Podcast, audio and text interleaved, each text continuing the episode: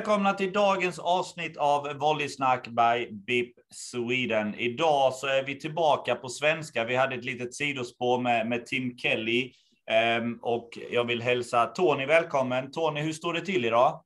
Ja, tack, det är bra. Eh, mycket volleyboll nu eh, med elitserien igång och eh, sen så är det full fart på, på eh, lägerverksamheten nu också. Vi, vi startar igång med ett läger i januari i Holmsund strax utanför Umeå. Så den 3 till 7 januari, nej, 4 till 7 januari tror jag eh, kör vi ett läger för killar och tjejer uppe i Holmsund.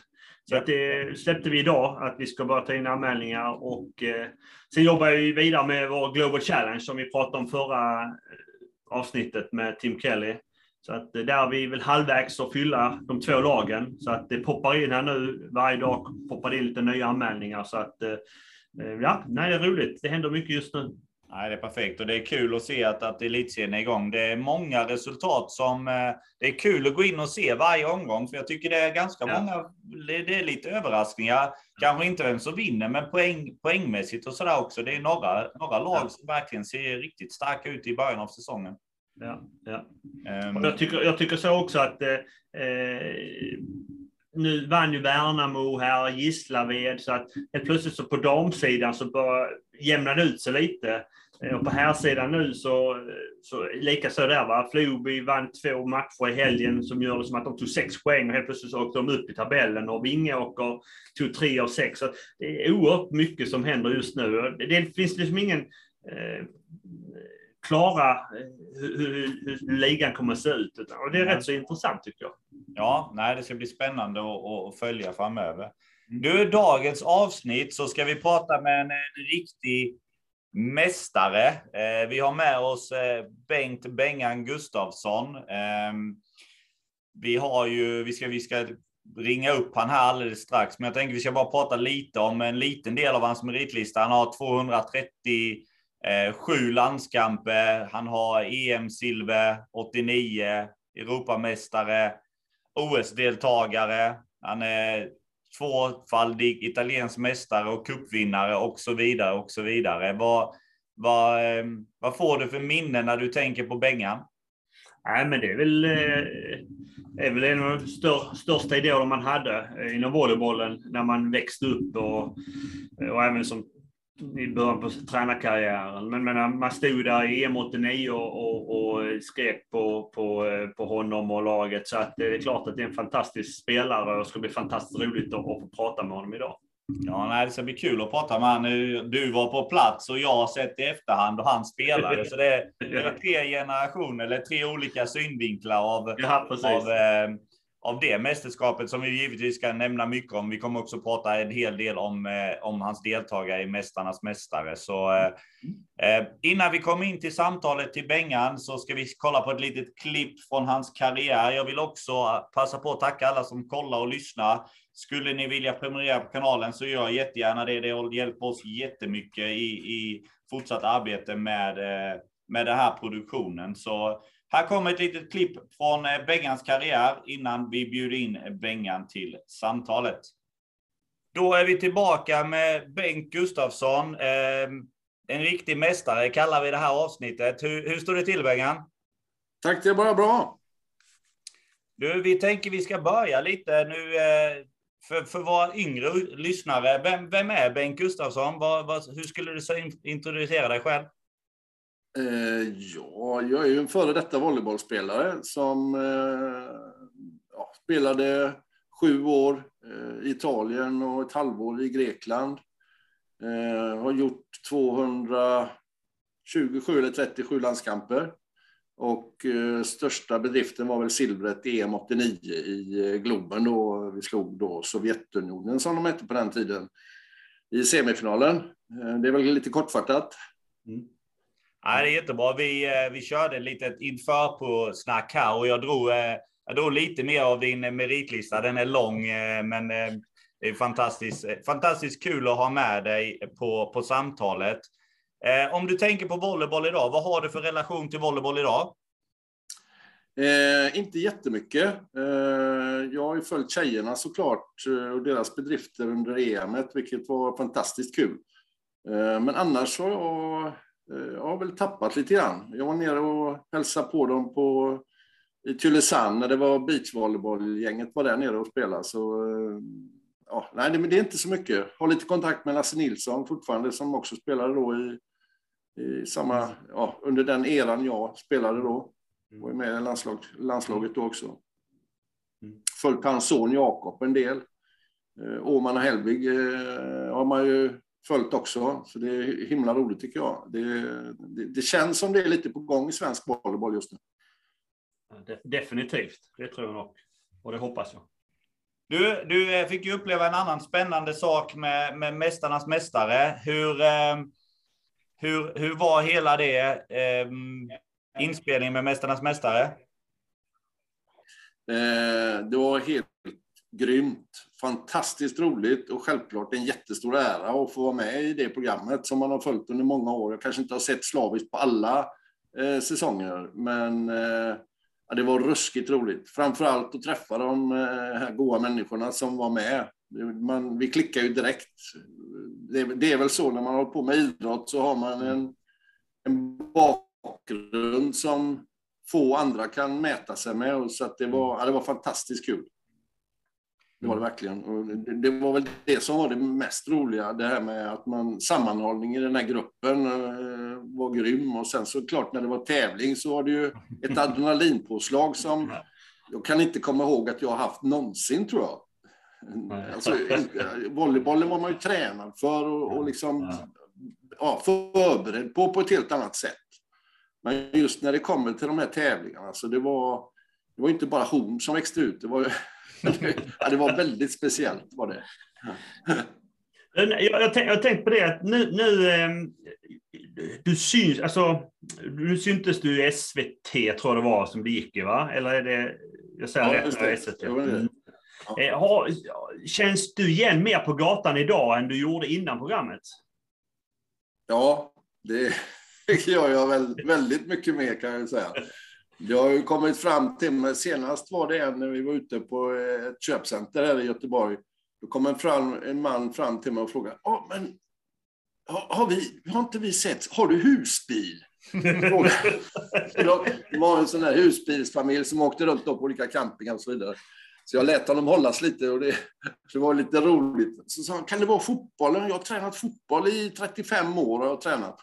Nej, sa jag, men så jag gissade att du har sett mig på Mästarnas Mästare och då ramlar ju polletten ner då. Så att, jo, visst, det händer att folk känner igen mig. Så det, det, är lite kul på sitt sätt såklart.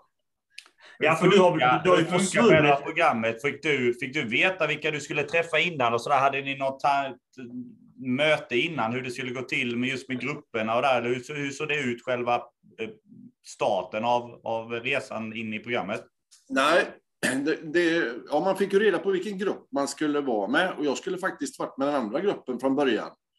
Mm. Eh, och sen så tackade ju, eh, ja, nu tappar jag namnet, legenden, back, backhoppan. Janne Boklöv, ja. Mm. Ja, precis. Eh, han eh, tackade ju nej där tydligen i sista sekund. Eh, på grund av ja, något läkarutlåtande då som ja. inte han gjorde. Så, ja. så det ringde de mig, tror jag det var typ tre timmar innan de skulle samlas nere i Tylösand, eller inte Tylösand utan eh, i Båstad. Ja. Mm. Och frågade om inte jag kunde byta grupp. Så jag blev inslängd i den gruppen alltså, bara några timmar innan då. Så att, eh, ja, det var lite speciellt. Mm. Så jag missade en hel... Just då, då tränade man ju ganska mycket faktiskt. Det gjorde jag. Ja, men annars så, nej men det var just det där man, eh, ja, man visste vilka man skulle vara med. Visst, det gjorde man ju. Du nämnde var... lite med höjdpunkterna där. Vad, vad var det för andra mer specifika höjdpunkter? Var det liksom samtalen eller var det tävlingarna? Eller vad, vad var det som var, vad var det som du kommer ta med dig under en längre period? Nej, men det var väl det här man pratade om, eh, tror jag, alltså när inte kameran var på. Det är alltid lite sådär, även om man försöker att bara vara sig själv, det, det var ju det jag som jag åkte dit ner. Och liksom, man, det kan ju bli lite krystat när det är framför en kamera och sådär, men jag... Eh, ah, det, det, var väl samtalen när kameran inte var på, när man satt och ja. pratade. Som var ja, de roligaste och mest intressanta kanske. För det är ju alltid uppstyrt på ett, på ett visst sätt när det är en tv-produktion. Det går inte att komma ifrån, annars så blir det ju konstigt. Så att man kunde ju få kanske ett ämne som man skulle prata om och så, så försökte vi ju göra det bästa av det liksom, när, när det var vid middagar och sådär. Okej, okay, så de styrde så pass mycket att de, nu vill vi att ni pratar om det här? Ja, lite grann är det ju det, för att annars kanske det blir svårt. Och det, det, man, det är klart att de vill ha i produktionen vill ha någonting intressant man pratar om. Eh, så att inte vi bara sitter och pratar om gamla anekdoter eh, med varandra och sådär och träning och, och sådana grejer som kanske blir lite segt och tråkigt för tittarna då. Så att det är klart att lite är uppstyrt, men jag tyckte det var ganska fritt ändå. Mm. Det var väl egentligen bara vid middagarna som, som kanske de ville att vi skulle prata om, okay. ja, som sagt, ett, ett visst ämne eller någonting då. Jag, jag måste säga det också, jag, jag, tycker också du gjorde ett eh, fantastiskt bra jobb för oss i volleybollen, för att eh, du, du gjorde en bra, eh, alltså positiv och eh, tävlingsinriktad och trevlig och allt det här. Jag tyckte det var fantastiskt roligt att när vi äntligen får ha no någon där med volleybollen, att, mm. att det blev bra va? Så att, alltså att det gjorde fantastiskt bra. Det, det, det, då var man stolt att jobba med volleyboll. Ja, roligt att höra. Ja, jag tänker, hur, hur, hur, lång tid hade du på dig att förbereda? Du sa att du, du tränade lite innan. Hur, hur, hur så en sån, när, när, får man frågan? Och är det ett par veckor du har på dig eller hade du ett halvår på dig? Jag fick faktiskt frågan till den tolfte säsongen. Vi spelade in den trettonde. Okay. Men då, så, då var det så pass tätt inpå och jag, jag har ju inte tränat alltså, kontinuerligt på ja, 25 år eller vad det nu är.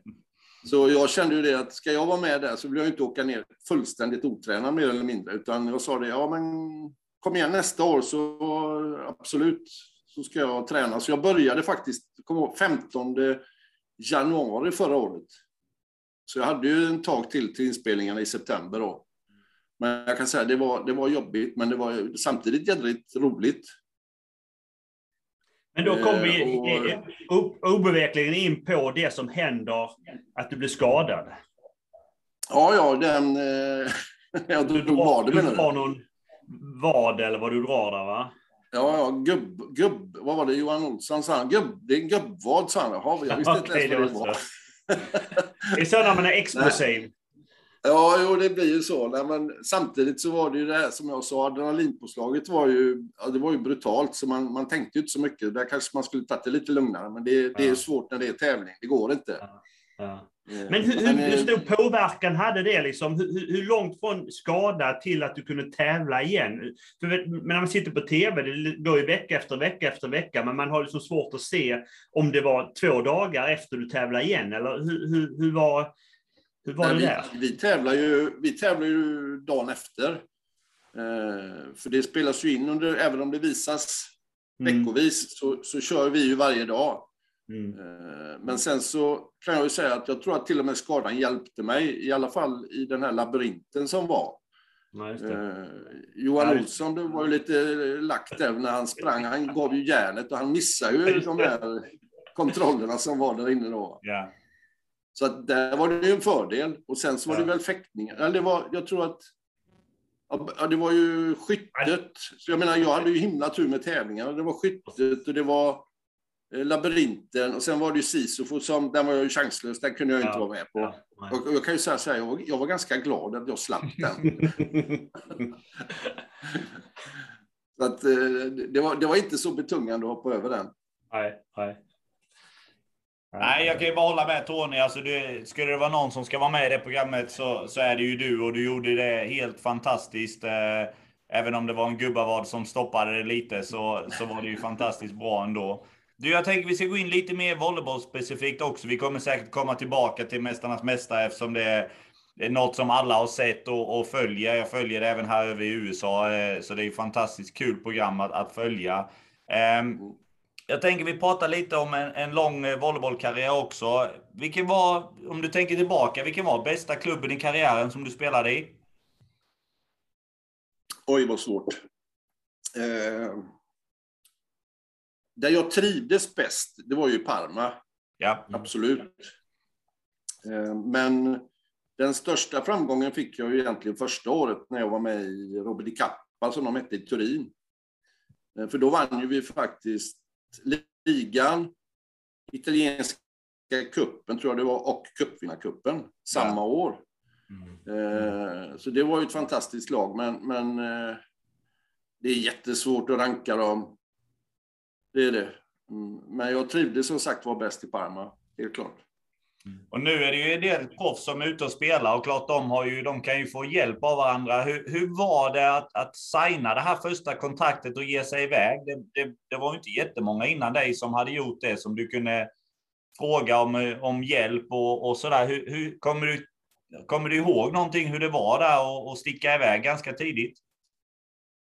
Ja, det var väl lite pirrigt, så var det ju. Eh, men jag var ju nere det var väl en sommar i augusti någonting, eller om det var juli. Jag kommer inte riktigt ihåg när det var, men jag var nere och testade lite och vara där nere.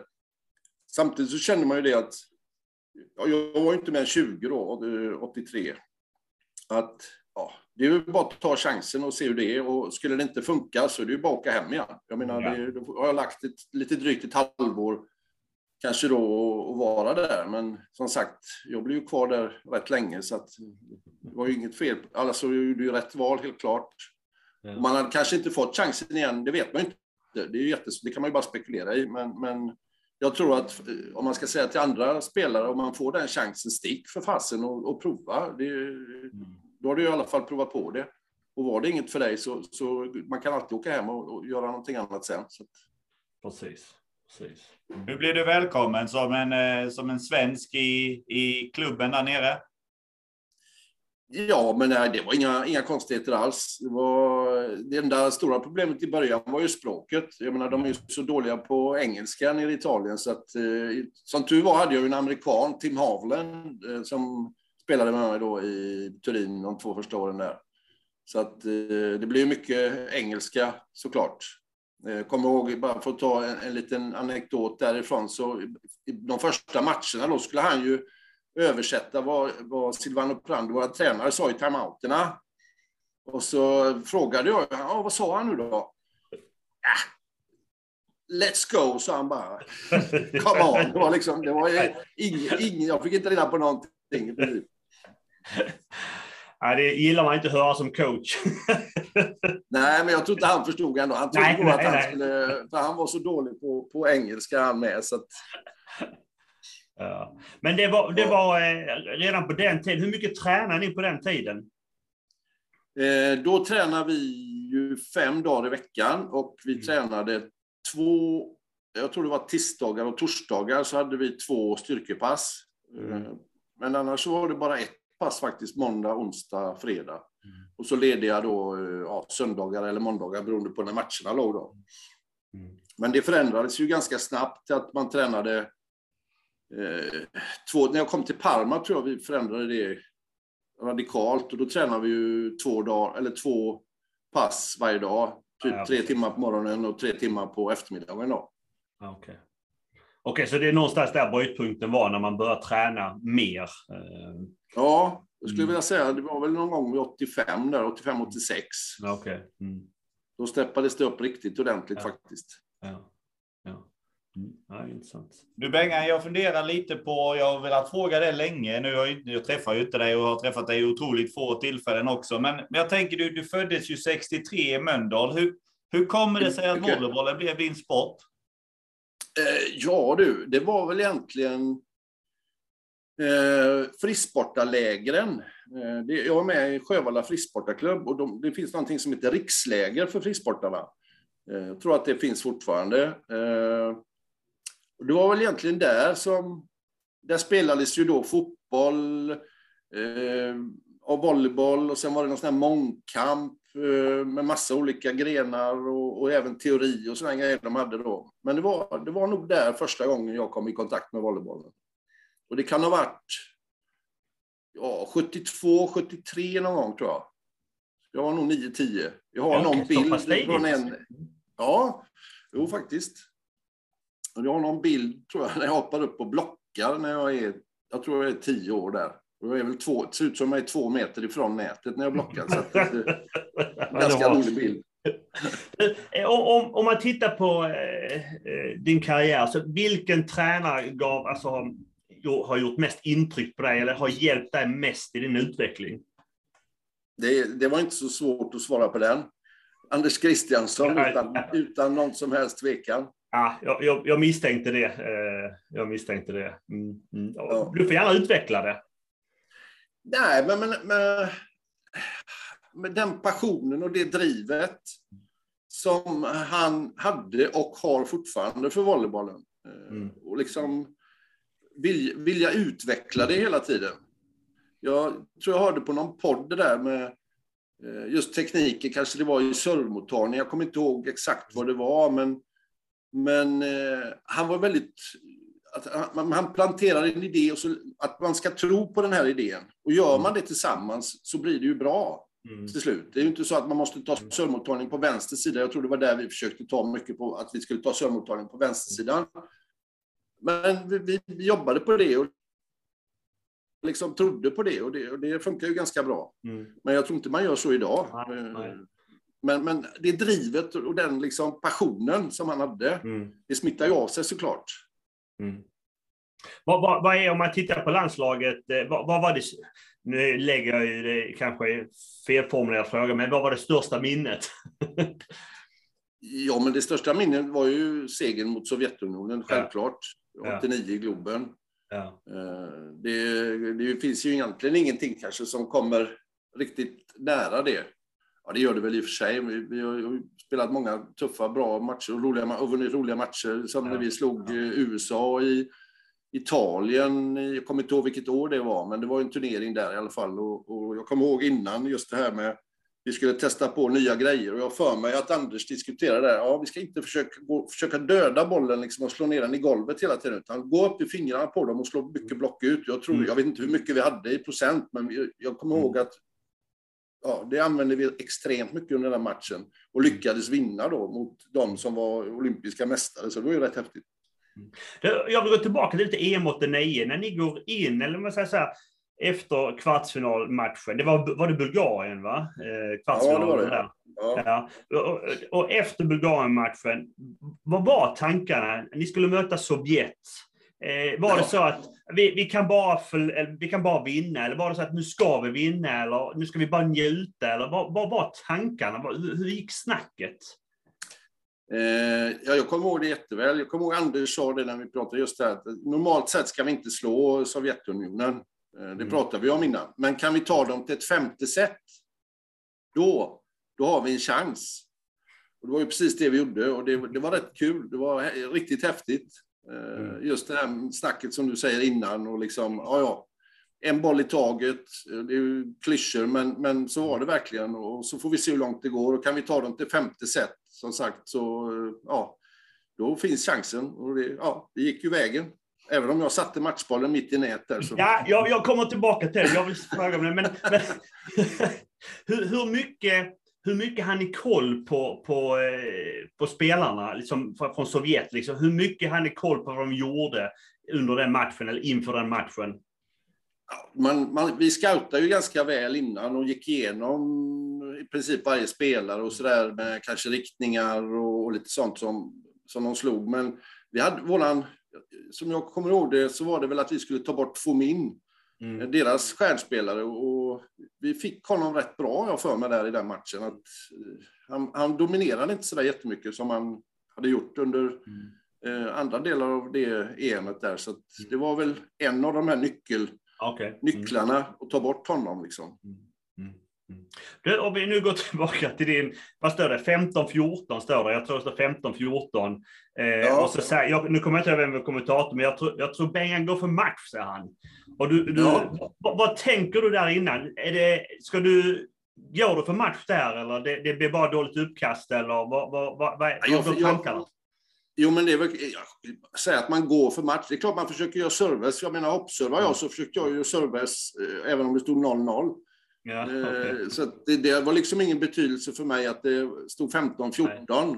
För man vet ju det själv. Ska jag gå ner och ställa mig på backen och slå över en relativt enkel serve bara för att vi ska få över bollen, ja. så vet jag ju att eh, 99 ja. gånger av 100 så får vi den på näsan tillbaka ganska utan att sådär jättestor chans. Så, så det, det, man vill med en service, det är klart, service är det optimala, men framförallt att sätta press på, på, på dem i, när man servar. Så, så var det ju, absolut.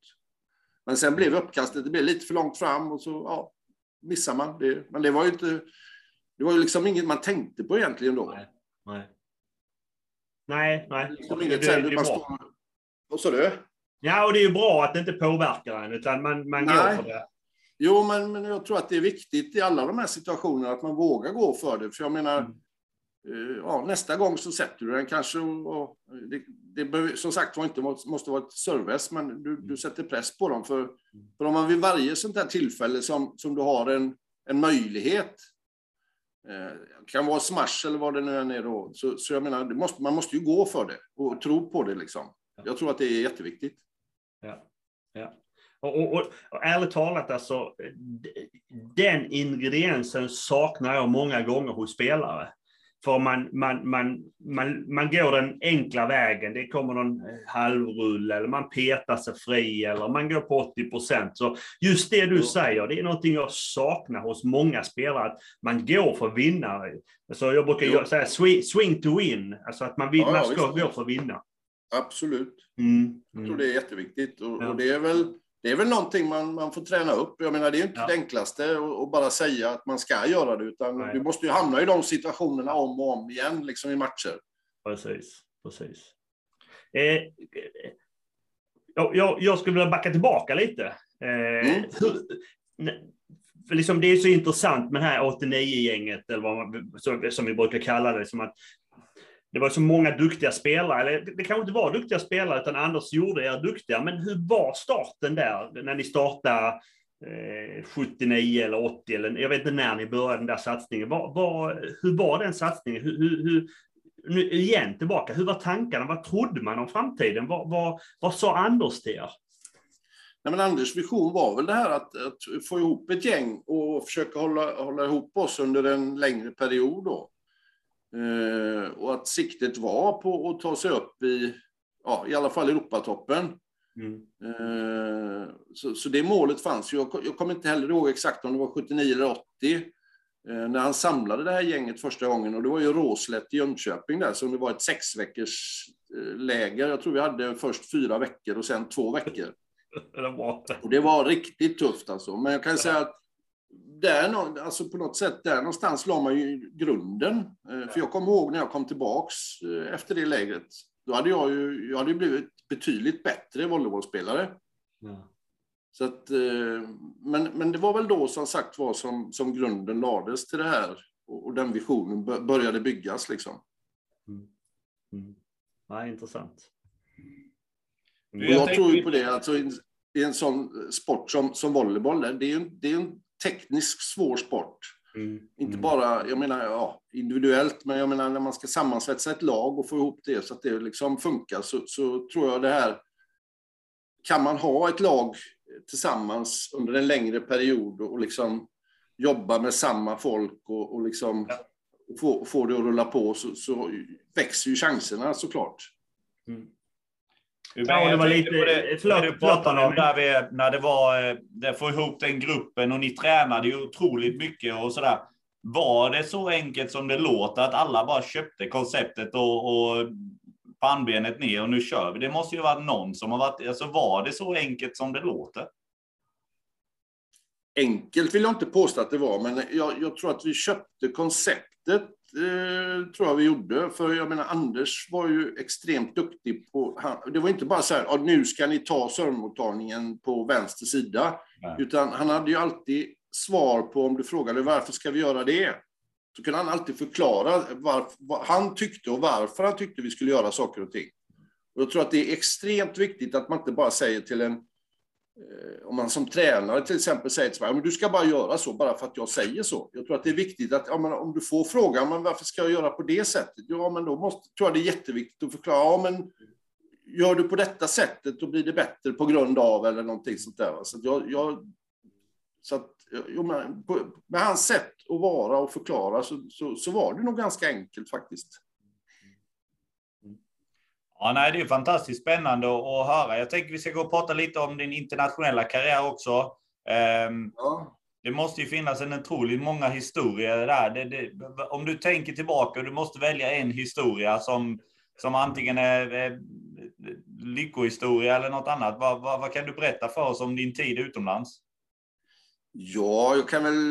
Det, det har väl... Jo, det har väl med volleybollen att göra, men det var väl när Tim Havland drog med mig upp till Sestriere och åka skidor. Och detta var väl, jag har för mig det var mellan,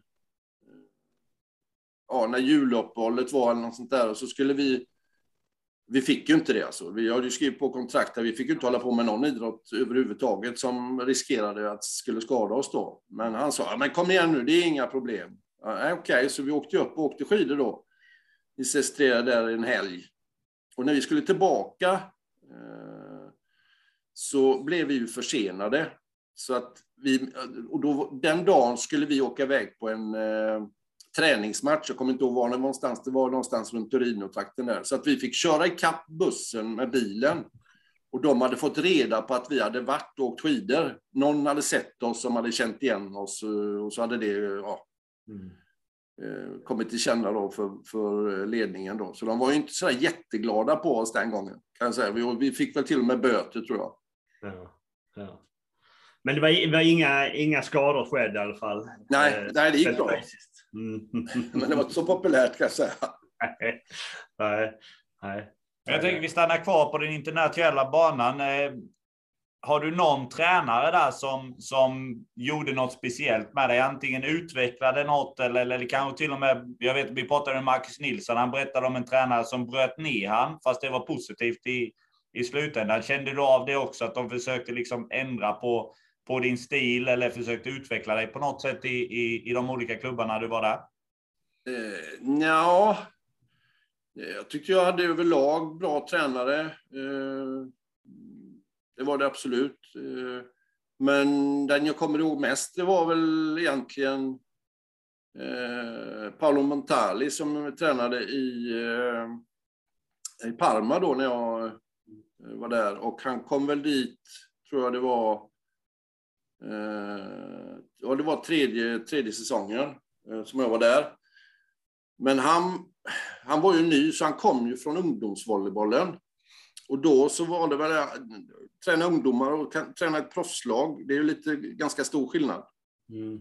Han drog väl alla över en kam och jag bjöd ut honom där på en middag en gång och pratade med honom och så sa jag det att men det, han tyckte det var jättebra och, och sådär att vi pratade. Och så jag berättade ju då lite grann hur jag såg på det. Att jag sa du kan inte dra alla över en kam och liksom köra likadant med allihopa. Det är individer och liksom, vi är professionella och vi vill alltid lagets bästa och vi vill alltid vinna och så vidare. Och det tyckte, han tyckte detta var fantastiskt. Nästa match då fick jag sitta på bänken. och då ramlade ju polletten ner för mig att nu skulle han ju visa att det var han som bestämde och jag skulle inte jag komma och liksom säga något dumt då. Så det var faktiskt hans... Jag, jag, jag blev erbjuden att vara kvar, men jag ville inte det. Så jag sa till klubbledningen att antingen så går Montali eller så går jag, eller så betalar ni mig så mycket så att jag tål honom ungefär. Det, ja. det var, men nej, det, var, ja, det funkar inte alls med, med han. Eh, men han, han bröt ju inte ner mig på det sättet. Det gjorde han inte, men, men eh, det funkade inte. Och det, var, det var kaos bland alla andra spelare. Men jag var, var kanske en av de få som vågade stå upp och säga ifrån då. Mm. Jag tänker, jag och Tony har inte varit i närheten och, och eh, få chansen att spela. Hur är det med hierarki och så i, i de här proffslagen? Liksom är det den som har varit där längst har bäst talan eller är det den som har fetast eh, lönecheck som får, får prata mest? Så hur, hur ser det ut med hierarki i ett lag? Nej, men det är väl så alltid när du kommer ny till ett lag, oavsett om du har spelat som jag när jag kom till Parma och när jag kom till Treviso när jag spelade där. Är du ny så är det du som ska bära bollar och kanske lite vattenflaskor. Så, det, så var det ju.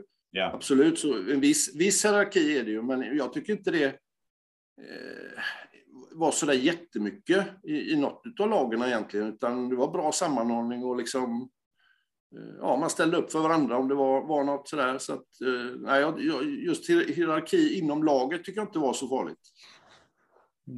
Det var det inte, för alla var ju, li, alltså alla var ju lika viktiga. Det är ju som, jag menar, om man tittar på i landslaget. Eh, jag tror jag har sagt det någon gång till någon annan, men just de här sex som kanske inte spelar så mycket.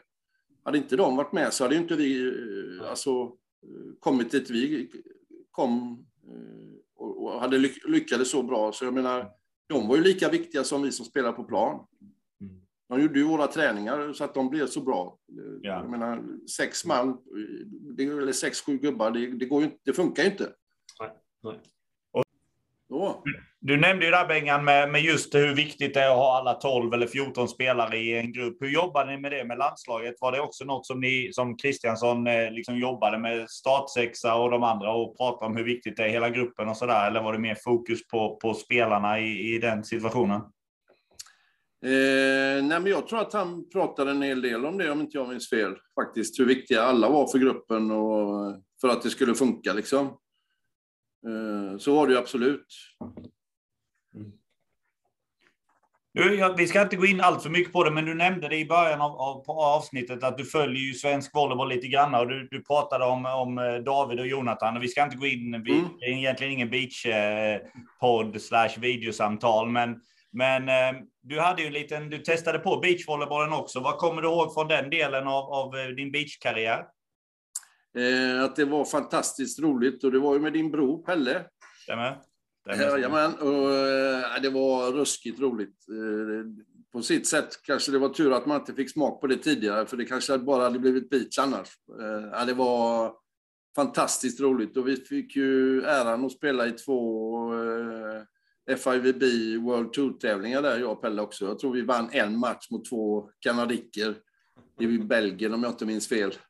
Eh, och det, var, det var roligt, men det var ju tufft såklart. Jag och Pelle, vi, vi eh, tränade inte sådär jättemycket, utan det blev ju mest att vi träffades på fredagkväll inför en turnering då, sådär som det var här hemma då när Swedish Beach Tour var igång. Så ja. eh, vi tränade ju på, på varsitt håll. Jag, jag, såg ju er spela oerhört lite, men vem av er var, var tog ansvaret i sommarmottagningen? I beachen? Ja. Ja, men det var nog mest Pelle, tror jag. Han var bättre. Alltså, jag har aldrig varit speciellt bra på sömnmottagning, tycker jag. Inte Pelle heller. Nej, men, men eh, han var nog lite bättre än mig, mig i alla fall, tror jag. Ja, ja. Jag är ledsen Pelle om du lyssnar. det, det gör han säkerligen, men jag tror inte han kommer ta det så, så allvarligt. Du, jag tänker på, eh, hur, hur kom det sig, var det att du hade sånt sug av, av volleyboll att du ville testa på det? Eller hur kommer det sig att du ville testa beachen överhuvudtaget? Men det var ju efter min Nemtsiolycka där 91 ja. som eh, jag körde ju rehab och, och, kom väl till insikten att inomhusvolleyboll det var kört för min del där. Eh, och då kom jag ihåg att Ralf Bågenholm, en från tiden i Tapper på Gårna när jag spelade i eh, svenska eliten då. Så eh, vi testade väl på det där lite grann och var med på en turnering i Slottsskogen och det gick rätt så bra. Men sen så, Ralf han är ju läkare då, så han kunde ju inte flänga runt och spela. Så jag ringde ju upp till förbundet och eh, frågade dem där om det fanns någon som behövde en partner. Jag, för jag var så himla sugen och så fick jag ju din brorsas telefonnummer så jag ringde och frågade om inte vi kunde spela. Så det, det, var väl suget efter volleybollen var ju stort såklart, absolut, ja. efter, efter olyckan. Och, och, och, det funkade faktiskt mycket bättre på beachen, för det var ju lite skonsammare mot kroppen. Mm. Ja, nej, det är fantastiskt, fantastiskt kul. Jag tänker, vi ska prata lite nutid, volleyboll. Ehm, är det, ser du volleyboll i, i, som, som en del av din framtid också, eller är det ett litet avslutat kapitel? Eh, jag tror att det är ett avslutat kapitel. Man börjar ju komma till åren nu, så att... Nej, jag tror att eh, jag har nog gjort mitt där, eh, absolut. För du var med och startade upp Göteborg United, va? Ja, inte starta upp, men jag var med och coachade och tränade dem lite grann eh, ja. under ett par säsonger. Men det var väl under en tid eh, som det var tufft med, med att få spelare helt enkelt, och, mm. som ville satsa någonting. Eh, så det var, det, var, det var lite tråkigt på det sättet. Ja. Och jag och Tony är båda inne lite på, på tränardelen. Har det varit något som du har funderat på under delar av din karriär att, att testa på att träna tränardelen? Ja, funderat har man väl gjort och det gjorde man väl då när, man, när jag slutade. Eh, men samtidigt då, när jag, i och med att jag fick sluta på, på det sättet som jag fick med ja. den här olyckan då, så och suget som du frågar efter till volleybollen var ju väldigt stor. Och, och, just inte få vara med och spela, så jag mådde ju rätt dåligt där ett tag. Helt, helt klart. Ja. Uh, att man inte fick vara med och spela helt enkelt. Identiteten på något, på något mm. sätt försvann ju. Man, man identifierar ju sig väldigt mycket som, som volleybollspelaren Bengt Gustafsson och inte så mycket mm. annat kanske. Mm. Vilket är helt tokigt, men, men så var det, tror jag. Och det var väl en av orsakerna att jag eh, ja, hamnade i en ja, depressioner och sånt där. Mådde, mådde väldigt dåligt ett ja. tag där. Vilket är rätt så vanligt för elitidrottare när man slutar sin karriär och, och, man vet inte vad man ska göra framöver. Så att, eh, ja. man, tyvärr hör man ju rätt så mycket om det, just det här när man har haft en lång karriär och sen ska man in i civil bana eller eh, lämna det bakom sig. Så att eh, det, det är ju tyvärr för vanligt tror jag. Ja, jo, men det är det nog. Jag tror att det är jättevanligt. Mm. Mm. Om jag inte missminner mig helt fel heller så gick du inte in lite på, på bowlingbanan? Jo, det stämmer. Var det något, som, är det något som har legat där i, i länge eller hamnade du där på ett bananskal? Eller hur kommer det sig? Nej, nej det var faktiskt... Eh, det var väl farsan som spelade med någon korplag i bowling. Och det, ja, det funkar ju rätt bra, gick rätt så bra. Inte, inte kanonbra, men alltså kanske ganska mycket bättre än vad medelbobblan var i alla fall. Så, så det var väl lite kul att testa på det då. Eh, det var ju som sagt det är inte så tufft för kroppen att bobbla, även om jag tror att min rygg fick lite stryk. För när, man, när, jag, jag, när jag ger mig på något så blir det ju oftast, det blir ju inte något halvdant, utan då ska jag ju vara där varenda dag och, och köra. Så det blir väl lite för mycket kanske.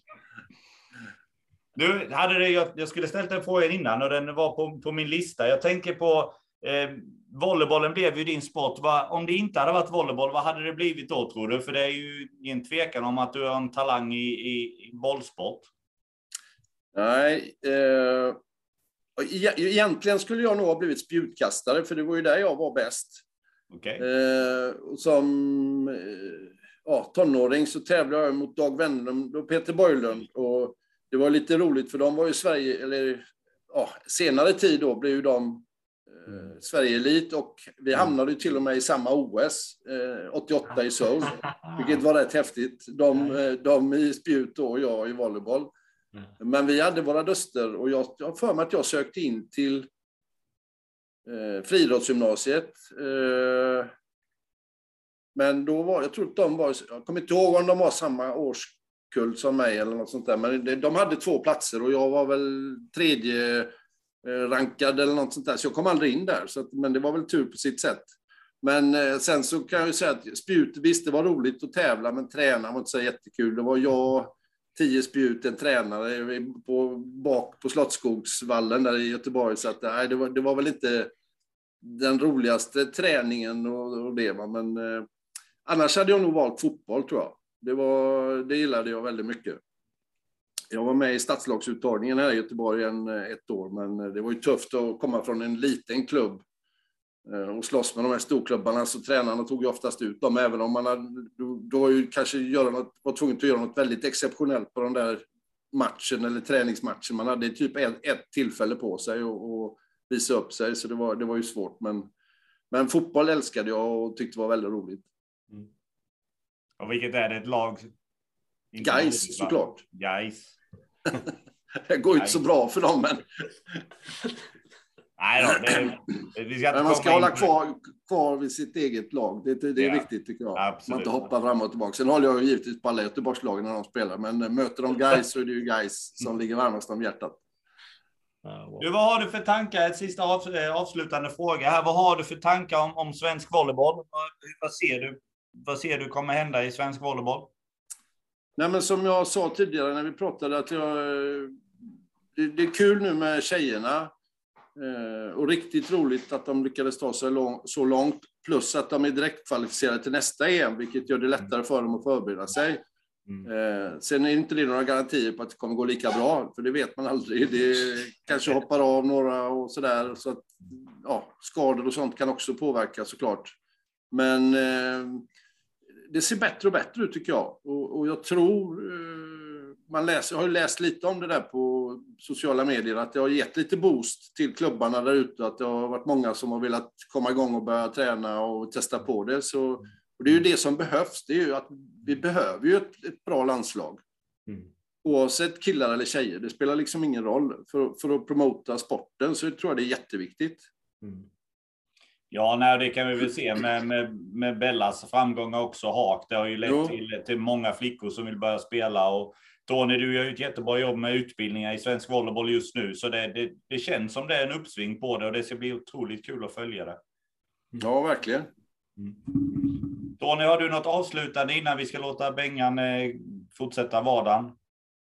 Nej, jag vill bara tacka för samtalet. Det har varit fantastiskt roligt eh, och, och eh, det, blir inte, det blir lite personligt. Man får se, se dig i alla fall och prata med dig. Jag hoppas ja, ja, att vi kan ses någon gång längre fram. Men eh, fantastiskt roligt att höra lite mer detaljer så här och mm.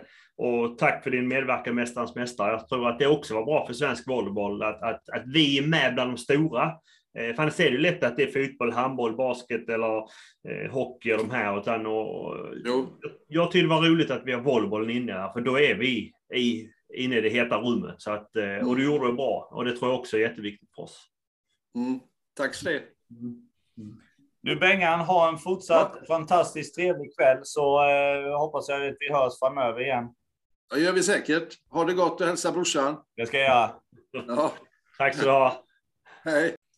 Då har vi avslutat samtalet med, med Bengan. Otrolig, eh, man slås av hur, hur eh, karismatisk och, och, hur, trevlig, hur trevlig han är. Vad, vad tar du med dig från det här samtalet, Tony? Nej, men och det är första gången jag en, en, en, en träffat, träffat, ska jag inte säga, men pratat med honom. Och, eh, ja, fantastiskt roligt att höra vad han eh, har varit med om och, och, det är roligt att han som delar med sig och, och nej, men jätte, jätterolig diskussion här eller intervju tycker jag. Ja, nej, det, det är spännande att höra både både liten, han har ju otroligt mycket mer att berätta från sin, från sin karriär. Vi hade behövt eh, fyra bonusavsnitt om vi skulle gå igenom allting, men vi fick ju ett litet axplock av, ja. av, hans, eh, av hans karriär och, och sådär. Jag tycker alltid det är kul att höra de här anekdoterna som när han skulle åka skidor och missa bussen. Det, även om man är en världsstjärna, man måste ju ha en bra puls när man kör ikapp en, en buss där liksom. Det är inte... Det... Hade jag varit tränare i det laget hade jag varit yxtokig. Ja, det, man kan ju bli faktiskt eh, ganska arg ibland när de är fem minuter försenade och det har varit, eh, de har inte hittat parkering eller något. Där är det att de stort bryter kontraktet och, ja. och eh, ja, så det, nej, det, det är jättekul att och, ja. få höra ja. lite från Benga. Ja. Ja. Du, framöver, vi har ju en otroligt spännande lista på, på personer som vi kommer att prata med. Vad har vi att se fram emot nästa avsnitt? Ja, nästa avsnitt så ska vi göra något som vi inte pratat om hittills och det är, är ju ungdom och, eh, och utbildning. Så ja. att, eh, då har vi bjudit in eh, Jens Persson. Eh, jag tror han är från Hässleholm från början, men har ju varit i många, många år nu i, i Habo. Ja. Och väl också stor del bakom svensk volleybolls eh, ungdomssatsningar och så här. Så, att, mm. eh, så det skulle bli jätteintressant. Och framförallt tycker jag det är intressant i min del nu när jag har startat min egen klubb, eller vår klubb här i Trönninge och tränar ungdomar. Och nu när jag är igång med min lägerverksamhet och så, så det ska bli jätteintressant att, att eh, höra Jens eh, säga, åsikter och tankar om, om var vi är med utbildning och med ungdomar idag. Och om någon skulle vilja ställa veckans fråga, hur gör de det så vi påminner dem om vårt kontaktformulär? Det bästa är ju beepsweden.se. Det är det absolut lättaste. Att gå in där på Volleysnack, då har vi ju eh, ett kontaktformulär där. Men annars så kan man använda eh, alltså direktmeddelande eller, eller eh, bara posta på Facebook och Instagram. Ja. Så att, gärna, gärna gör det nu inför Jens om, om ni har några frågor eller så här. Absolut. Du Tony, jag ser fram emot att prata med dig om en vecka igen och se vad som har hänt i, i svensk volleyboll och, och ser fram emot att prata utbildning och ungdomsverksamhet. För det är något som jag tycker är otroligt viktigt i svensk volleyboll. Och, och eh, nu har man ju sett lite skillnaden här över hur de jobbar med ungdomarna här. Så det ska bli kul att bolla lite idéer med han också, och se om han tror att vi närmar oss deras eh, synsätt med, med träning eller om de har en eh, annan eh, infallsvinkel när det kan handla om eh, svensk ungdomsvolleyboll. Så jag ser fram emot det jättemycket. Ja. Ha en trevlig dag Dorothy. Detsamma Daniel. Vi hörs. Hej. Hej.